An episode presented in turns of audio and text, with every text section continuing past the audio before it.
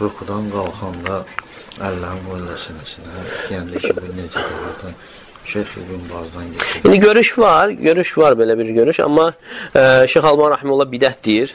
Çünki e, açıq ayda ona dəlil yoxdur. Əgər dəlil olsaydı, sahabələr onu nəql eləyərdi. Çünki sahabələr bütün xırdalıqları nəql eləyiblər.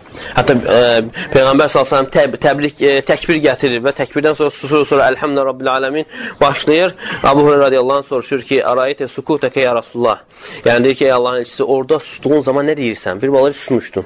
Hətta o dərəcədə bütün xırdallıqları yəni soruşub, yəni nəql eləyiblər. Əgər bir şey var isə, nəql olunardı. Ona görə daha yaxın olan əlləri e, e, yığmamaq və həmçinin e, xüsusən də imam, əgər imam tutmursa, elə sünnəyə uyğun da Hətta insan o görüşdə olsa belə sünnəyə uyğun imama tabiçilik baxımından nə etməsidir?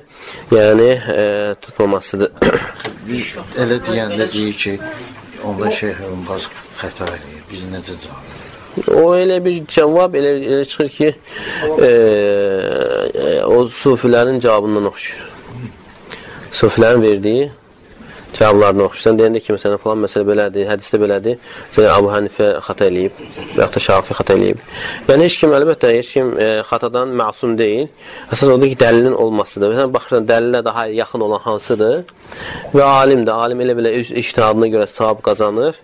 Amma sən isə artıq sənə bəlli oldusa, daha yaxın olan dəlil, yəni onu götürməklə yəni, mükəlləfsən. Çünki sənə də, sənin imamına da Peyğəmbərimiz s.ə.və tabi olmaq nə olmuşdur? Əmr olmuşdur. İmam Əhməd Rəhmanullah bağlayıb çalsınlar, yoxsa? Yəni, rəvayətlər var ondan. İxlasla.com saytı tərəfindən təqdim olundu.